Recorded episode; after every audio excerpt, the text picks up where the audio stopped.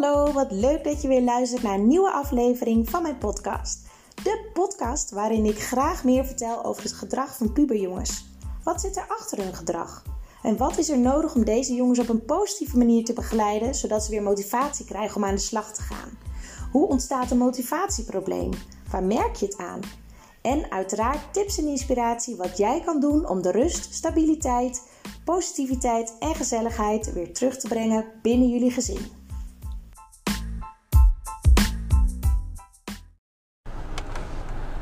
Hallo, wat leuk dat je weer luistert naar een nieuwe podcast.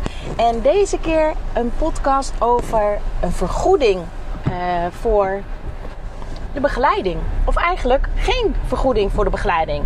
Want is er vaak uh, een, een. dit is, oh, het gaat lekker hè? dit is een uh, veelgestelde vraag. Worden jouw diensten ook vergoed? En ik voldoe aan alle eisen om vergoed te worden. Maar ik laat mijn, niet, mijn diensten niet vergoeden. En ik zal je in deze podcast uitleggen waarom ik die keuze heb gemaakt. Ik zit trouwens in de auto, zoals jullie horen. Ik ben op weg naar een uh, oud collegaatje van mij, wat uh, ondertussen ook een vriendin is geworden. Die doet een, uh, heeft zelf ook een, een, ja, een coachopleiding gedaan. En die gaat op mij oefenen met gesprekken. Dus ook al ben ik zelf coach, het is zelfs juist als je zelf coach bent, is het altijd interessant om zelf ook begeleiding te krijgen. Maar dat heeft terzijde. Dus het kan zijn dat je af en toe mijn knipperlicht hoort. Dat je, uh, weet ik veel wat, uh, de motor van de auto hoort. Ik hoop dat het niet te storend is. Maar ik ga even verder met mijn verhaal. Want het gaat over vergoeding. Uh, ik ben NOPCO geregistreerd. Nederlandse Orde van Beroepscoaches. En ik ben eh, SKJ geregistreerd. Stichting Kwaliteit Jeugd. Nou, en als je bij de SKJ geregistreerd bent, dan kunnen je diensten ook vergoed worden. Nou, dat gaat tegenwoordig allemaal uh, via gemeente en dergelijke. Ja, ik moet zeggen, het is een heel geregel en gedoe. Want ik heb het al een aantal keren wel uh, geprobeerd om te regelen. Maar je wordt een beetje van kastje naar de muur gestuurd. Nou, toen had ik het 14 juli uh, dit jaar, dus 2020, had ik eindelijk gevonden waar ik het moest aanvragen. En toen bleek dat het voor 1 juli moest. Dus ik was te laat en nou, ze waren daar niet coulant in. Dus het komt pas weer per 1 januari. Dus ik dacht, nou ja, dit zal wel zo moeten zijn. En toen besefte ik eigenlijk ook, ja, de, de jongeren en ouders die ik begeleid, um, die vanuit school zijn doorverwezen en dat de trajecten worden vergoed door school, zodat ja, geld eigenlijk gewoon geen belemmering kan zijn. En dat ze dus sowieso ja zeggen tegen de begeleiding. Uh, betaalt de school dan? Maar mijn ervaring is nu niet direct positief hiermee. En dan wil ik niet zeggen dat de mensen niet positief waren. Helemaal niet. Ik heb hartstikke mooie gesprekken gehad en ze hebben echt wel stappen gemaakt. En toch weet ik zeker dat ze meer stappen hadden kunnen maken. Als ze er volledig voor waren gegaan. Maar je merkt gewoon bij de trajecten die vergoed worden door de scholen dat zowel de ouders als de jongeren makkelijker zijn in gesprekken uh, cancelen. Of afspraken niet nakomen. Of uh, opeens een gesprek vergeten zijn.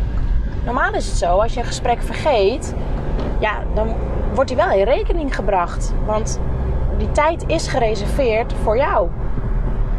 Wat logisch is, lijkt me.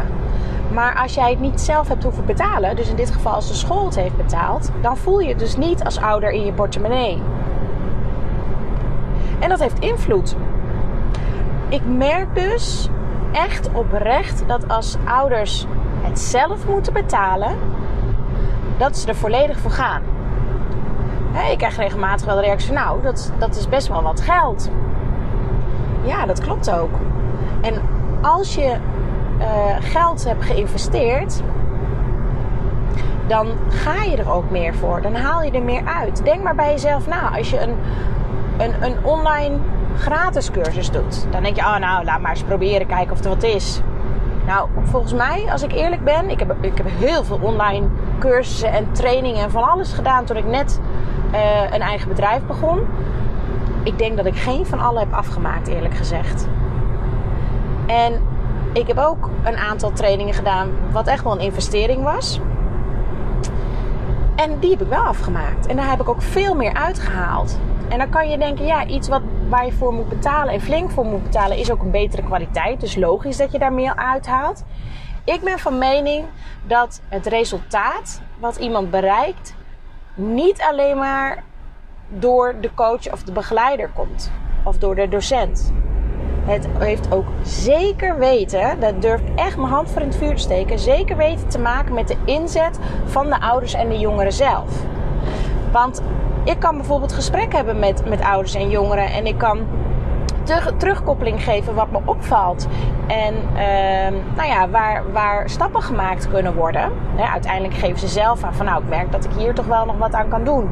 En we hebben het daarover. En als de ouders en de jongeren daar verder niks mee doen, zullen ze geen resultaten behalen.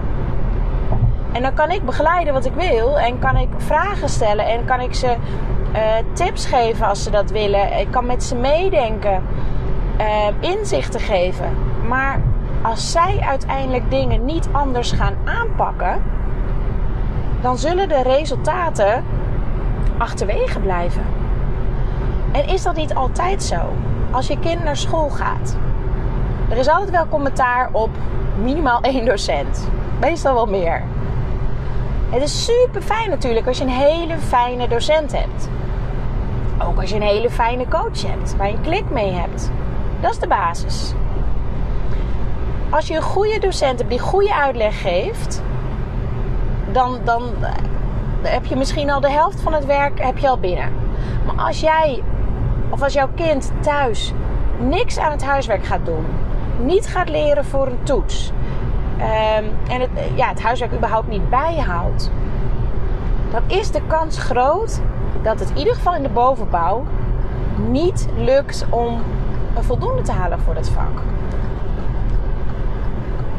Dus het is de reden waarom ik bewust dus nu ervoor kies om geen vergoeding te regelen voor mijn diensten, is eigenlijk om de klanten nog meer te helpen. Het is gewoon zo dat als je geld investeert, dat je veel meer gaat geven, veel meer je best doet. Dus dat is eigenlijk al een motivatietip nummer 1. En als je iets vrijblijvend doet, of gratis doet, of, of het wordt vergoed, dan heb je al veel minder de drive van het moet slagen, het moet lukken, we moeten alles geven wat we hebben. Veel minder. Dus uiteindelijk help ik mijn klanten mee door het niet te laten vergoeden, ook al klinkt het heel raar. Want ik heb ook een hele tijd gedacht, ja, ik, ik moet dat gewoon regelen. En ja, het is heel veel, administratie, al helemaal, heel veel administratie en uh, administratieve romslomp. Maar ik dacht, ja, weet je, ik wil toch toegankelijk zijn voor, uh, ja, voor, voor alle ouders uh, die worstelen met een, met een puber met motivatieproblematiek of waar veel gedoe thuis is. Ik wil iedereen kunnen bereiken. En niet alleen maar de mensen die, die het geld hebben, zeg maar, die het, kunnen die het kunnen betalen zonder vergoeding. Dus daarom is het heel mooi dat, dat sommige scholen dus trajecten aanbieden en dat dat vergoed wordt door de school, zeg maar. Hè? Dus betaald wordt door school. Uh, maar ik adviseer scholen nu ook om dat dus niet meer te doen. En om toch voor uh, iedereen toegankelijk te zijn, kan je bij mij ook in termijnen betalen. En ik denk dat het een beetje 50-50 is hoe vaak er in termijnen wordt betaald en hoe vaak het in één keer wordt betaald. Dus ja, dat, dat is een keuze. Als iemand echt hulp wil, ik ben er echt van overtuigd. Als je in een situatie zit waar je echt klaar mee bent, dat je gewoon niet meer weet wat je moet doen en je kan geen kant meer op en je weet dat die ene persoon jou kan helpen of jullie kan begeleiden. En je zet daar je wil op dat dat gaat lukken, dan kan je dat voor elkaar krijgen. Echt waar. Het is echt een kwestie van keuzes maken. En prioriteiten stellen. Dus om een lang verhaal kort te maken, nee, mijn diensten worden niet voorgoed. En eigenlijk moet je er blij om zijn. Want daardoor zal je er veel meer uithalen en zal je veel meer gedreven zijn om alles eruit te halen. En als je heel gedreven bent om alles eruit te halen, zal je ook zeker goede resultaten behalen. Dat weet ik zeker. Als ik kijk naar iedereen die ik inmiddels heb begeleid en wat de resultaten zijn, is het echt als iemand gedreven is om de situatie te veranderen, dan lukt het. Lukt echt. We komen tot de kern. Wat is de oorzaak van de problematiek? Dat is het begin. En, en wat is, wat is het, de, de wereld vanuit het kind gezien, vanuit de puber gezien? Hoe ervaart hij dingen? Hoe ziet hij dingen? En het is fantastisch om te zien hoe goed pubers de vinger op de zere plek kunnen leggen. Heel vaak speelt er ook gewoon iets bij ouders. En je kan je ook voorstellen dat er ook onrust tussen ouders ontstaat. Doordat er onrust is met de puber. Maar ook andersom. Dat er, als er onrust is bij ouders, dat er ook onrust bij de puber ontstaat. Dus het is, het, is, het is altijd iets van het hele systeem, van het hele gezin. Altijd. Ik hoop dat ik hiermee de vraag heb beantwoord. Um, of ik word vergoed? Nee dus. En waarom ik niet word vergoed? Omdat het een bewuste keuze is. En het klinkt raar als een motivatiespecialist die mensen helpt of pubers helpt die met motivatie worstelen, dat ze meer gemotiveerd zijn als ze moeten betalen. En niet heel erg weinig hoeven te betalen doordat het vergoed wordt. Maar gewoon dat je je best moet doen om het te betalen. Ik wens jullie een hele fijne dag. En wie weet, tot gauw.